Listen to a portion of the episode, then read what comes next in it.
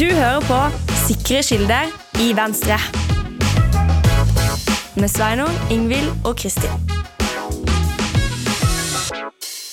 Hei, du hører på Sikre kilder i Venstre. Jeg heter Sveinung. Jeg heter Ingvild. Jeg heter Kristin. Vi er tilbake i studio. Hva har dere gjort siden sist? Begynner med deg, Kristin. Ja, nei, altså Forrige pod vi spilte inn, så var jo Grunde vara for Ingvild. Så hun har jo vært på kontinentet. Det har jeg også. Jeg har vært i Frankfurt. Å ja, det sa du ingenting om forrige uke. Nei, men jeg har eh, vært i Frankfurt og sett en fotballkamp. Eh, Eintracht Frankfurt mot Augsberg. Det ble 1-1. Klassisk oppgjør, det der. Ja, klassisk oppgjør. Det, det, det var helt fantastisk. Eh, 53 000 på stadion, utsolgt, fantastisk stemning. Frankfurt har jo noe av den sterkeste supporterkulturen i hele Bundesliga. Og Bundesliga har jo den sterkeste supporterkulturen i hele verden når det kommer til fotball. Så det var virkelig en eh, fin opplevelse å være tilbake og kikke på Bundesliga. Men dro du til Frankfurt for å se på fotball? Absolutt. Skjønner. Ja. Folk er forskjellige. Jeg og er ti av mine beste venner. Jeg tror de fleste vanlige folk Ingvild, i valget mellom å dra til Frankfurt for å se en fotballkamp, eller som du gjorde på samme tidspunkt, dra til Strasbourg for å være på et europarådsmøte, har mye større forståelse for det Kristin har gjort, enn det du har gjort. Føler du at jeg har liksom et fritt valg? At det er liksom sånn Å, nå skal jeg bruke feriedagene mine på å delta på møte i Strasbourg. For det kan jeg avkrefte. Ja, da, nei, du gjør en viktig jobb for demokratiet og Europa. Ja, Takk på vegne av vanvittig mange. Men var det fint der? Ja, ja, det er jo vår, men det var ganske mye um, regn og sånn. Men det er jo det er veldig grønt der. Veldig sånn livgivende å være rundt grønne trær, registrerer jeg. Hallo, det var veldig grønt i Frankfurt òg. Jeg bare lurer på, liksom, er det sånn Er det mye varmere der, liksom? Ja. Eh, Til å svare ja. Jeg òg. Ja, vi har en rekord jeg har liksom aldri reflektert over det. At det Å, ja. du trenger bare å reise litt lenger sør Ja. for å liksom få den eh, vår-vibes. Ja, ja. Altså Med global oppvarming nå, så blir Frankfurt det blir det nye Syden. Mest sannsynlig. Eh, ikke at det er en glad sak, eh, men eh, her i nord i Norge så er det en rekordkald vår. Det har vi alle merka. Så global oppvarming jeg vet ikke helt, jeg. Eh, Ingvild har vært i Strasbourg, det tror ikke vi gidder å snakke om, for det er litt kjedelig. Har du gjort noe annet siden sist? Jeg har gjort flere kjedelige ting, da. Det er basically det jeg har gjort. Okay, bring it on. For... I går eh, leverte jeg skattemeldinga. Selvfølgelig liksom så close to fristen som overhodet mulig. Var ikke fristen Altså, nå er det 3. mai når vi spiller inn. Var ikke fristen 30. april? Men det var søndag og helligdag, oh, ja, så ikke sant? derfor så Men hadde jeg gjort det innenfor fristen eh, hvis det hadde vært da som var fristen? Nei, for det er såpass eh, mye klarer ikke jeg å tenke over og huske ting. Så det hadde jeg ikke. Men det var rett og slett sånn at jeg måtte få kyndig bistand. Jeg har uh... For du er ikke blant de som bare trykker OK? Nei, altså Det har kommet ganske tydelig fram mens du har vært vekke fra podden, Sveinung, at Ingvild er ikke Hun har ikke inngående kunnskap om skatt. Nei, det har jeg heller ikke. Men, nei, men de hadde en del spørsmål som jeg måtte svare på, så jeg kunne ikke bare gjøre det. Men da fikk jeg kyndig bistand fra Audun Bonde her på Stortinget. Jeg tror det var en smertefull opplevelse for han å se hvor lite kontroll jeg egentlig har. Eh, over liksom økonomien min, og hvor lite vilje jeg er til liksom, For du kan jo få en del sånn fradrag og sånn, f.eks. hvis du gir til frivillige organisasjoner og sånn. Men det fordrer jo at du da går inn, finner liksom den e-posten hvor du har fått en oppsummering, leverer liksom dokumentasjon på shit. Altså sånn, Jeg er ikke villig til å gjøre det. Så det du har holdt på med, er å finne ut hvor mange hundre tusen du har gitt til Dyrebeskyttelsen i løpet av året for å få? Fugleadvokatene Ja, det er privat dyrevelferdsorganisasjon, det har du helt rett i. Men jeg er ikke villig til å gjøre det. Jeg hater det. Og så, eh, og Audun er jo en eh, veldig ordentlig og flink og snill fyr, så han skjønte jo altså hvor dårlig det sto til med min generelle kontroll på dette. Så da var vi også inne i nettbanken min. Han har tegnet grafer til meg og sånn på hvordan jeg skal eh, Shout-out til Audun Bonde. Ja, altså, Men dette er heldigvis, heldigvis er det jo ikke noe viktig i det hele tatt at stortingsrepresentanter har kontroll på hva de får fradrag for og ikke på skattemeldinga si, for det er det ingen som er interessert i den videre offentligheten. Men jeg har jo ikke fått fradrag for noe jeg ikke skal få fradrag for, da. Ikke, Det melder jo ikke en stort bitte liten pendlerbolig engang som Det- burde vært beskatta. Det verste var at jeg skulle til å si sånn Det melder jo Stortinget inn, men det kan du jo faen heller ikke stole på. Men Sveinung, du da, hva har du gjort? Eh, jeg har ikke gjort noen ting spesielt. Eh, jeg har ikke vært i utlandet. Eh, jeg har Jeg har gjort sånn kjedelige politikerting. Jeg har vært på Stortinget, og så har jeg gått på en del møter om lakseskatt. For, nå, Oh. for nå driver jeg og diskuterer det på Stortinget. Hvem skal være med i et eventuelt forlik? Hvor høy skal satsen være? Hva er forskjellen på superior laks og annen type laks? Her er det mange problemstillinger. Wow. Ja. Det høres eh, Superjuicy. Det er det er sarkastiske trynet på Yngvild. Spennende, faktisk. Det er mange, mange milliarder kroner. Så det, er- ja, eh, for de som måtte være interessert, så eh, vi har ikke så masse nytt å melde, egentlig. Diskusjonene pågår. Eh, eh, Foreløpig er veldig uklart hvem som skal danne flertall rundt dette, her, men eh, det er stor oppmerksomhet eh, fra i hvert fall de som er interessert i det. Det har skjedd en ting til siden sist som vi faktisk vedda på på starten av året. og Det er at Erling Braut Haaland har tangert skåringsrekorden i Premier League. Ja, se der. Mm -hmm. Ikke verst. Og det er ikke bare med det Altså, han tok jo først en 32 målsrekorden til Sala, som dreier seg om det oppsettet som er i Premier League nå. Men nå har han også tatt 34-målsrekorden ja. eh, til Sherrow og Cole, som eh, er med det gamle oppsettet. Så det er veldig imponerende. Jeg antar at det er en big deal? Det, det er en super big deal.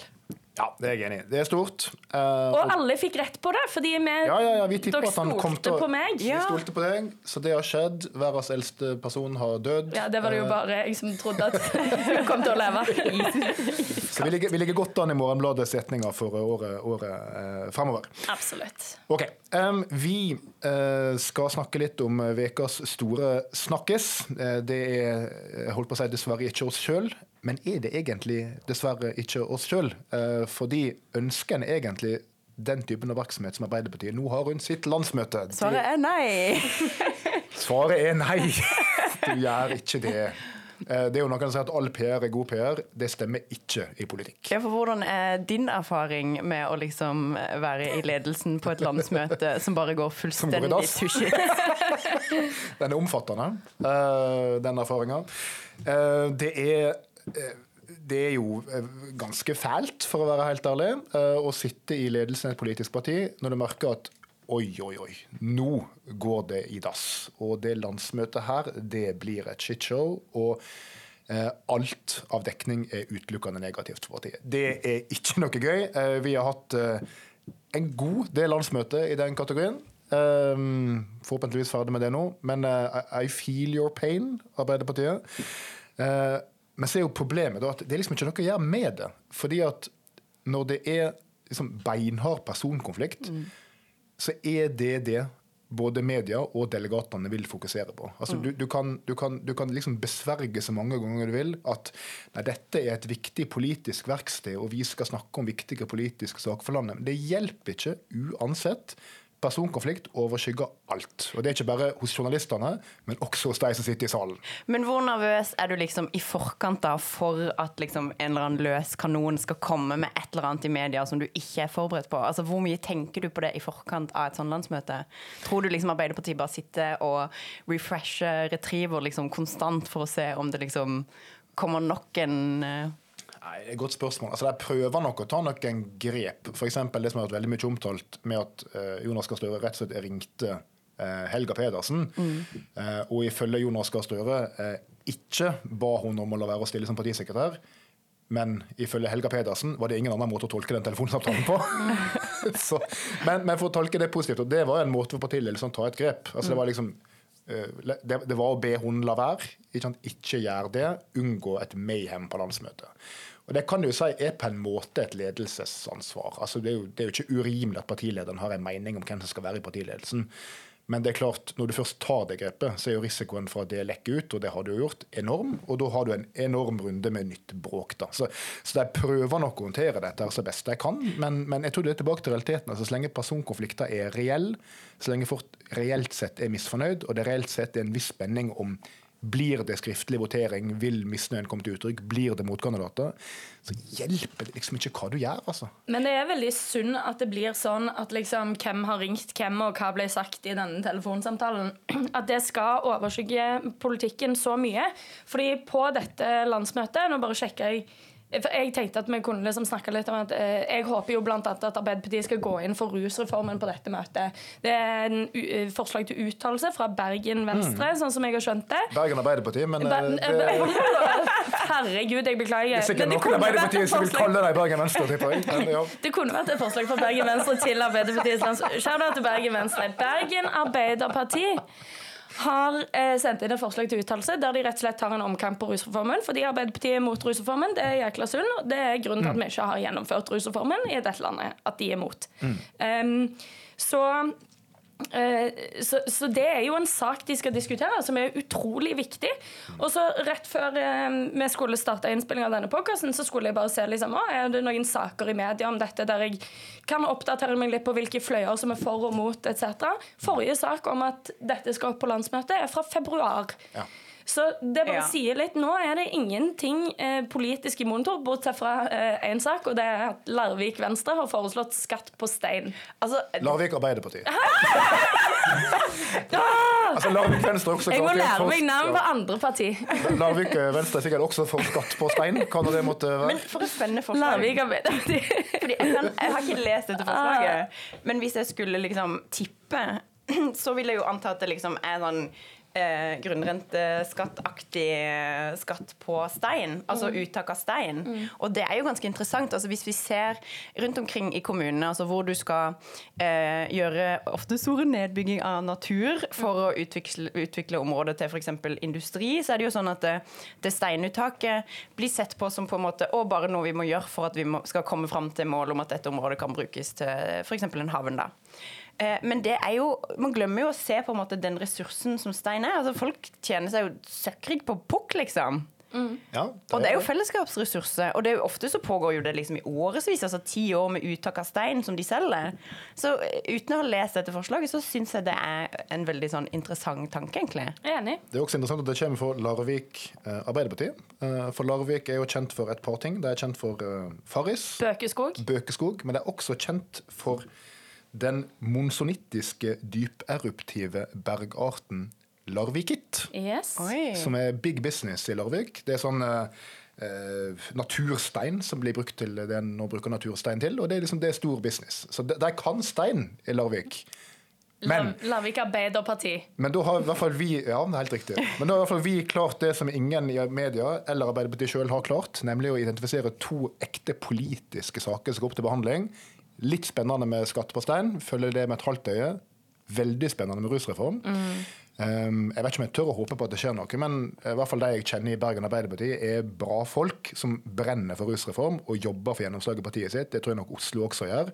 Absolutt. Uh, og så er det jo en ting vi vet, er at Hvis Bergen og Oslo går sammen om noe, så bruker de å tape på et landsmøte, men vi får håpe at de vinner. Det hadde vært veldig, veldig, ja, veldig kult. da.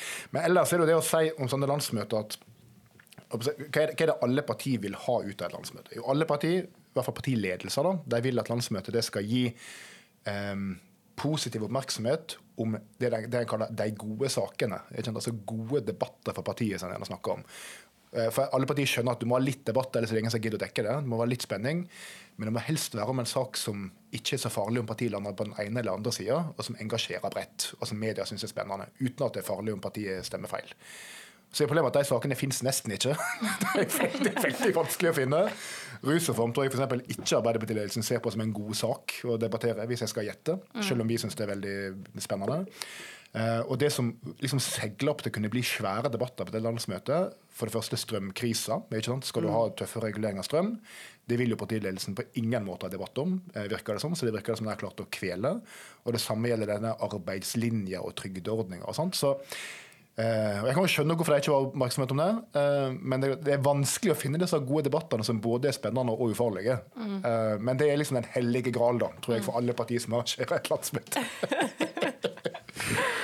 jeg føler jeg hadde litt sånn der en Freudian slip vet, when you say one thing but you mean a mother på, på Arbeiderpartiet Venstre her. Ja, ja du hadde det. Ja. Ja, så jeg, jeg, får skjerpa meg. Mm. Nei, du er så flink. Men kan jeg spørre om en praktisk ting?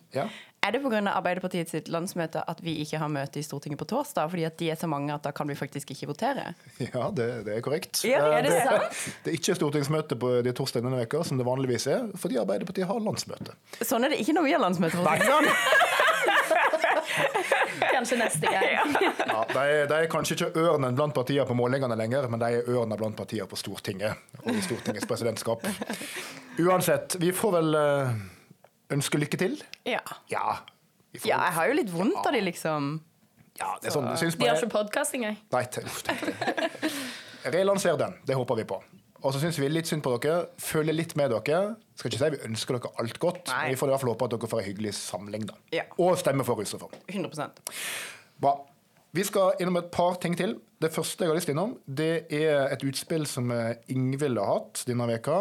Eh, eller utspill og utspill. Du har vært ute i NRK eh, rundt det som engasjerer deg veldig. og det er jo eh, situasjonen for de mange som blir utsatt for voldtekt i Norge. og Dette er jo en veldig alvorlig sak, eh, så vi tar det litt ned, men det er veldig viktig. Hva har du vært ute og ment? Eh, nei, altså dette er jo en, reaksjon på en eh, rapport som NRK har fått tak i fra Kripos. Altså dette var en, rapport som eh, ikke var offentlig, men det er en rapport som sier noe om eh, voldtektssaker i 2019, eh, og i hvilken grad det da er foretatt biologisk sporsikring. Altså det, biologisk sporsikring kan jo være liksom alt fra f.eks. hvis det har vært en slåsskamp, så går du og sikrer blod, eller det kan være OK, du finner håret til noen i hendene til noen andre. Eh, men på seksuallovbrudd så vil det jo ofte være liksom kroppsvæske og denne type ting. da. Og Det er derfor det er så viktig at folk oppsøker lege så fort som mulig. ikke sant? 100% Altså overgrepsmottak, ikke vaske klærne. Eh, I utgangspunktet også ikke prøve, prøv å ikke gå på toalettet, selvfølgelig ikke dusj. Eh, før du da så fort som mulig oppsøker eh, et overgrepsmottak og sparer på alle klærne som du har hatt på deg.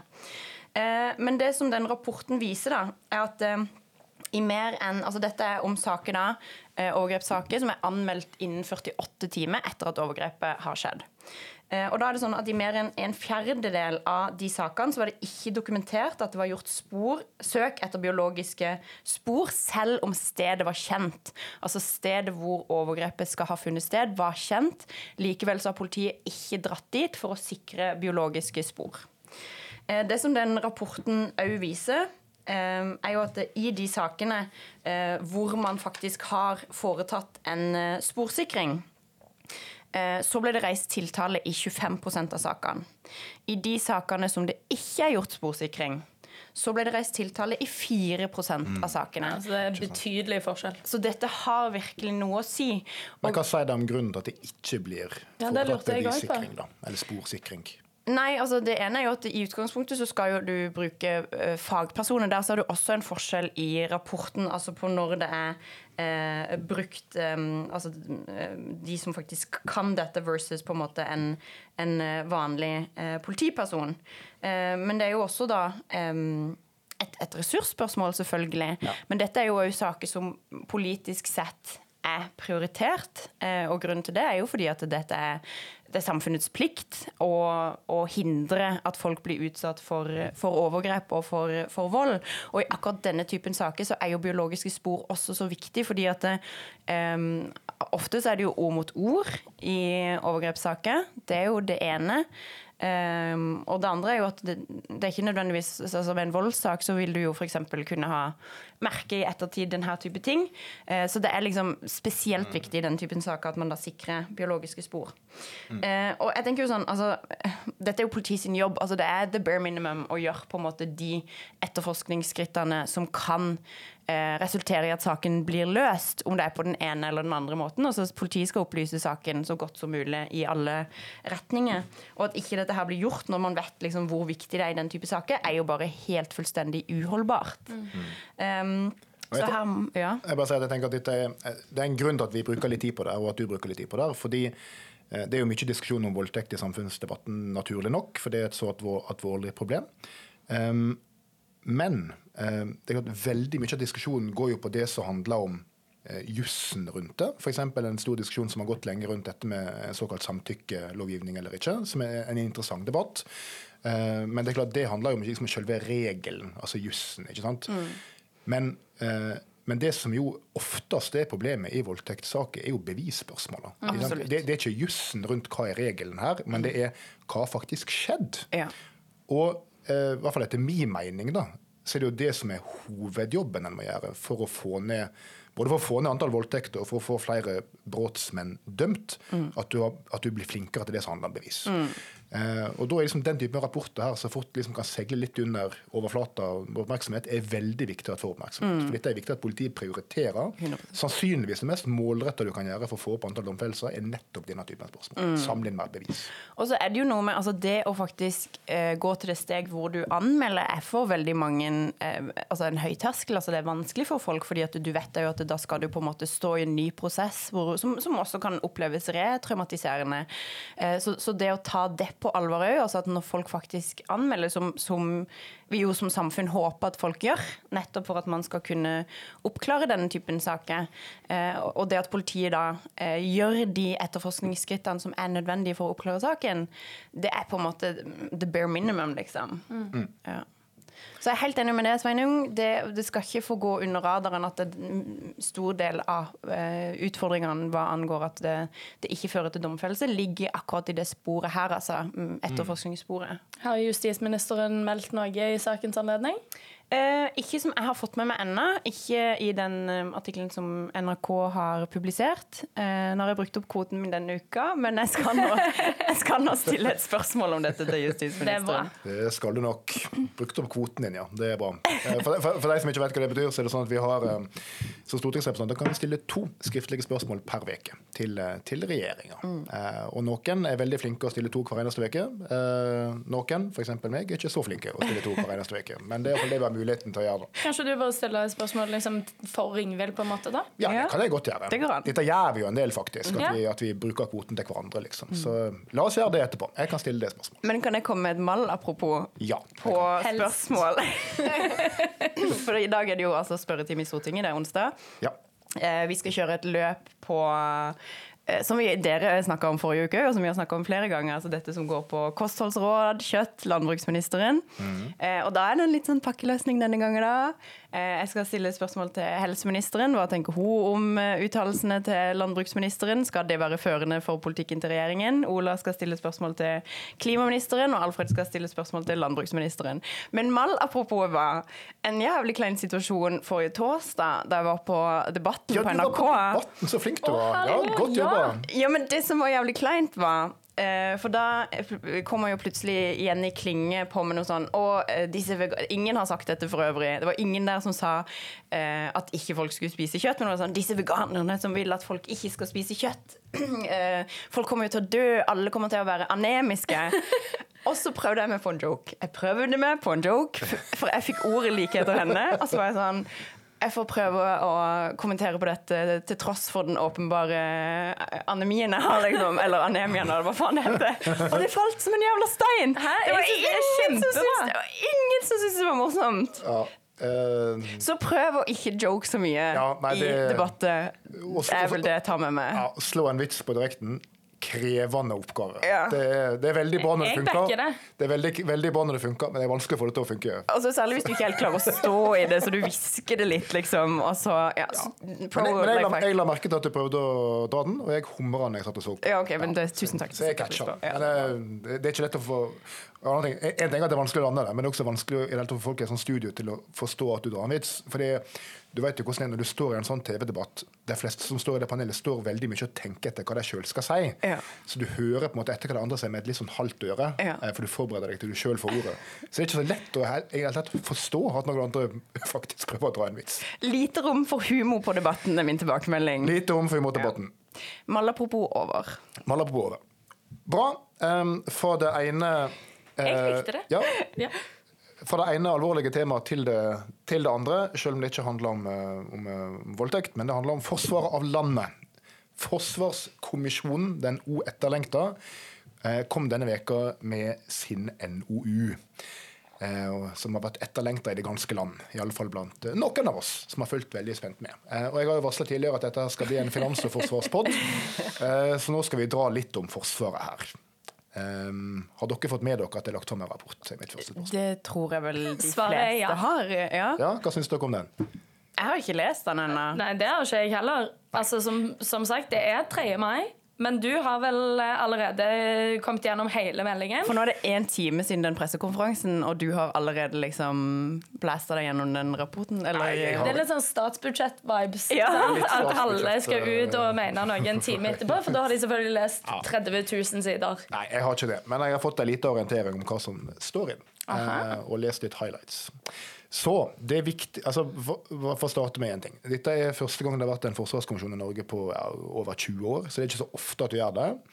Og dette er et sånt utvalg som er satt ned, som ikke bare er eksperter, men som består også av representanter som er eh, på en måte peker ut av de politiske partiene. Um, de sitter jo der på en måte i kraft av seg sjøl og kan mene det de vil, men de har partitilknytning, de fleste. Og tanken med det er jo at en skal prøve å legge fram noe som kanskje kan fly, da, som faktisk et bredt flertall kan være for. Dette gjør en jo av og til, f.eks. når du driver med eh, valglovgivning, så gjør du ofte det, av åpenbare årsaker. Men du gjør det også på sånne spørsmål som må gå over flere perioder, type Forsvaret.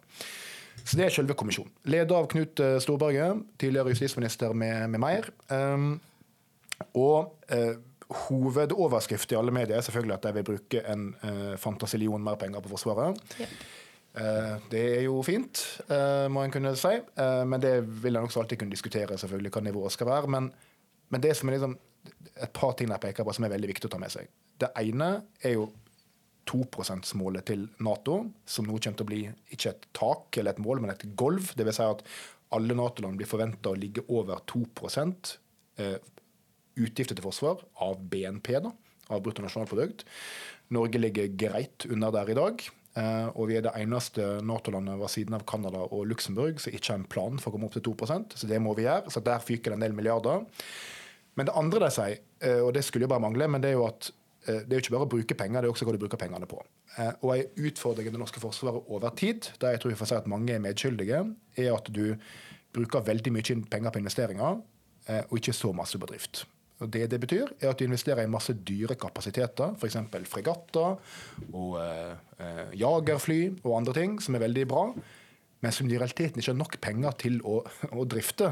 Typisk at du ikke har nok folk til at de kan seile regelmessig, eller at du har helikopter til å ha på disse fregattene så de faktisk kan fungere til det de skal fungere til, eller at du har nok missiler og ammunisjon til å trene nok. Så, så her, som mange andre plasser i offentlig sektor, så er det liksom en balanse mellom ok, dyre investeringer, men også å faktisk kunne bruke det til noe. Da.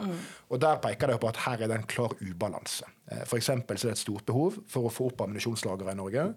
Eh, Få mer folk inn i førstegangstjeneste, eh, mer øving og sånne type ting.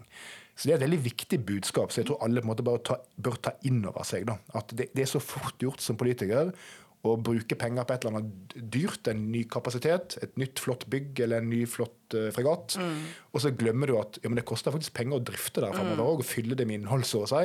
Og hvis du ikke gjør det, så har du ikke fått så masse ut av det som du kunne, kunne fått. Da. Så det, det er et veldig viktig budskap i den eh, rapporten. Men altså det som jeg registrerer, for nå har jo de siste dagene altså Regjeringen hadde jo en pressekonferanse i går også knytta til 2 %-målet. Eh, er jo at det nå går det liksom en heftig krangel om utregningsmetoden. Yes. Altså Det er det mest nerdete jeg noen gang har vært borti. Altså Tenker du nå på liksom, hva er egentlig 2% av BNP? Ja, liksom 2% av hva? Hva skal vi regne med i det beløpet? Altså Politisk kvarter i dag var jo basically det. Men Ja. hva er det det går i, da? Um, det er jo to ting. Det ene er hva er BNP? Eh, altså ikke, vi vet hva BNP var i fjor, men, men vi vet ikke hva BNP kommer til å være i 2025. Men skal du legge en plan fremover, så må du på en måte ha en antagelse om hva vi tror BNP kommer til å være. Og Det avhenger jo av oljepris, særlig for Norges en del, men også pris på strøm og arbeidsledighet og skatteinngang og ditt og datt. Så, så det er jo vanskelig i seg sjøl. og der har jo regjeringa bare satt et, et mål, eller et anslag. Det er vel sikkert Finansdepartementet som har gjort det. Uh, og så er det en del som mener at det er nok sannsynligvis litt vel eh, pessimistisk i betydninga lavt BNP. For det er klart Hvis du anslår at BNP blir lavt, så trenger du ikke bruke like masse for å komme til 2% Så det er én diskusjon. Og det andre er jo hva, hva skal du regne inn i de to prosentene? Og Det er jo ikke bare Norge som har den diskusjonen. Det er f.eks. For forskjell på Nato-land når det gjelder Inkluderer du pensjonsordninger i de to prosentene? Inkluderer du eh, militære sykehus i det, osv. Så, videre. så det, det er heller ikke helt enkelt. Så det er nok av ting du kan krangle om, det der anslagene. Og så viser jo det det som mange mener er liksom absurditeten i sånne prosentmål. og Det har de jo helt rett i. For det er klart at Norge har jo styrka Forsvaret hvert eneste år i mange år. Men hvorvidt vi bruker 2% av BNP på forsvar, som vi gjorde i 2020, eller 1,5% som vi gjør i år, det kommer helt an på hvor høy oljeprisen er. Mm. Så, så, så styrkinga har vært reell hele veien. De bruker masse mer penger på Forsvaret. Men likevel så går det ned hvor stor andel de bruker. Og Norge bruker jo mer på forsvar per innbygger enn noe annet Nato-land. Eh, nær sagt, selvfølgelig, fordi vi er ganske få folk og har et veldig høyt BNP. Eh, men jeg tenker at den debatten er på en litt ferdig. For det prosentmålet er satt. Nato bruker det. Det kommer ikke til å bli endra, det kommer til å bli forsterka. Så, vi må på en måte bare forholde oss til det. Uansett hvor lite Finansdepartementet har lyst til det. Og selv om Norge kan reise så masse vi vil til Brussel og si til andre Nato-landene du, hør her. I Norge så ja, vi har en del oljepenger, men vi har nokså et handlingsregelen. og Det betyr at vi kan ikke bruke alle pengene over statsbudsjettet. Og de nikker anerkjennende. Å oh, ja, da så! Du kan dra den så mange ganger du vil. og Det eneste du kommer til å få fra andre sida av bordet, fra USA og Storbritannia og Nato og Jens Stoltenberg og alle, er bare OK, så det du sier er at du er for rik til å bruke nok penger på Forsvaret. Og så må Norge bare si ja! Det er på en måte det, på en måte det vi sier. Og det flyr ikke. ikke altså, I norsk politisk virkelighet så kan vi forstå det, for vi er vant til å forholde oss til at vi kan ikke bruke alle pengene vi har. Men det er jo ingen andre som tenker på den måten. Nei. så, det, nei, så det må bare skje. Um, en annen ting som jeg vil bemerke um, helt uh, til sist her om Forsvarskommisjonen, det er at uh, de, iallfall et flertall der, det her er vel en dissens, så vidt jeg husker, som er interessant, er tydelig på at vi må integrere oss tettere i EUs forsvarspolitikk. Høres ut som en lur idé. Ja, og da vil jeg gjette at den dissensen har ikke studert dette nøye, for det kom nettopp, men jeg vil gjette at den kommer fra sikkert SV og Senterpartiet og Rødt. Så de. Men dette er viktig, fordi Nato og EU står ikke i motsetning til hverandre i forsvarspolitikken. De gjør litt forskjellige ting, og er viktige begge to. Og ja, Natos rolle har blitt tydelig forsterka og vist gjennom Ukraina-krisa, men det har også EUs rolle. Ingen tvil om det. Nato er skjoldet som verner oss. Det, det, er forsvarsgarantien. Men i EU så er de offensive kapasitetene. Det er de som donerer våpen, det er ikke Nato. Det er de som innfører sanksjoner, det er ikke Nato. Det er de som ivaretar en felles flyktningpolitikk, det er ikke Nato. Og det er de som har felles investeringsprosjekt for forsvarskapasiteter. Så du må rett og slett være med på begge deler. Og Det har Venstre vært tydelig på lenge. Eh, stortingsflertallet har ikke ønska det. Eh, Regjeringa har vært litt sånn avvisende til det, men nå sier Forsvarskommisjonen at vi må integrere oss tettere i EUs forsvarssamarbeid. Så det er veldig positivt at de gjør det. OK, nok forsvar. men eh, apropos EU, dette var jo veldig fin reklame for EU, men eh, neste uke så er jo jeg av alle ting på ferie. Igjen? Var ikke du nettopp på fotballferie? Eh, det var jo ikke en ferie, det var jo ei helg. Altså, helg er ikke ferie. Ja, ok, Men jeg er på ferie neste uke, og i den anledning skal jo du ha med deg en gjest i studio og levere en såkalt spesial. Ja, vi kan tease det. Eh, når vi kommer til uh, selveste 9. mai, Europadagen, eh, når flagga går til topps, fanfaren går, og hele Europa og alle nordmenn bryter ut i sang og synger europahymnen til frokost da skal vi slippe en liten spesialpod. Jeg skal få en gjest i studio eh, som eh, har sitt utsiktspunkt fra Brussel. Eh, og vi skal snakke om eh, hvor går EU, og ikke minst de skal prøve å ta litt på alvor motargumenter mot norsk EU-medlemskap. Eh, og de mange som hevder at jordbruket vil bli ødelagt, euroen vil ikke passe for oss. Fiskerier vil kollapse, og vi vil ikke få bestemme noe der uansett, selv om vi blir med. Som er helt sånn reelle innvendinger som må møtes på alvor. Så vi skal prøve å diskutere litt ordentlig pro og con norsk EU-medlemskap. Hva vil det egentlig innebære? Og for øvrig snakke om hvor EU er på vei, eh, helt uavhengig av hva Norge måtte gjøre. Så det kommer 9. mai. Oh, dette gleder jeg meg til. Det gjør jeg òg. Så det er bra at eh, det blir en spesialpod for å kompensere for eh, mitt fravær. Åpenbart. Hvor yes. du skal? Jeg vet ikke. Oh, ja. Hæ? Eh, det er en såkalt uh, blåtur. Oh, ja, driver en fortsatt med det? Uh, ja, uh, tydeligvis. Så jeg er høyst usikker på det. Men jeg vet at jeg måtte oppgi passnummer og skal ta med to bikinier. Og jeg vet at det er en såkalt swim-up bar involvert. Er det stygt av meg å si at jeg følger blåtur og litt sånne ting som sånne gøyale venninnegjenger på ja. par og 50 Nei, det er ikke stygt. Jeg, jeg, jeg, er helt enig. okay, okay, okay. ja, ja, bare slapp av. Men, men uh, Nei, det bare, det bare ble sånn. Det bare sånn. Ja. OK, så du skal ha med badetøy og pass? Ja. Og, og det er en swim-up bar involvert. Det er jeg veldig Oi, ja. shit. Ja, det høres Jeg lover å holde dere oppdatert når jeg kommer det hvor jeg har vært. Det høres mer attraktivt ut enn å forhandle lakseskatt på Stortinget, men uh, Det gjør det meste. Vi, vi gjør alle vårt. OK, folkens. Uh, dere har hørt på Sikre kilder i Venstre. Tusen takk for oss. Ha det. Ha det.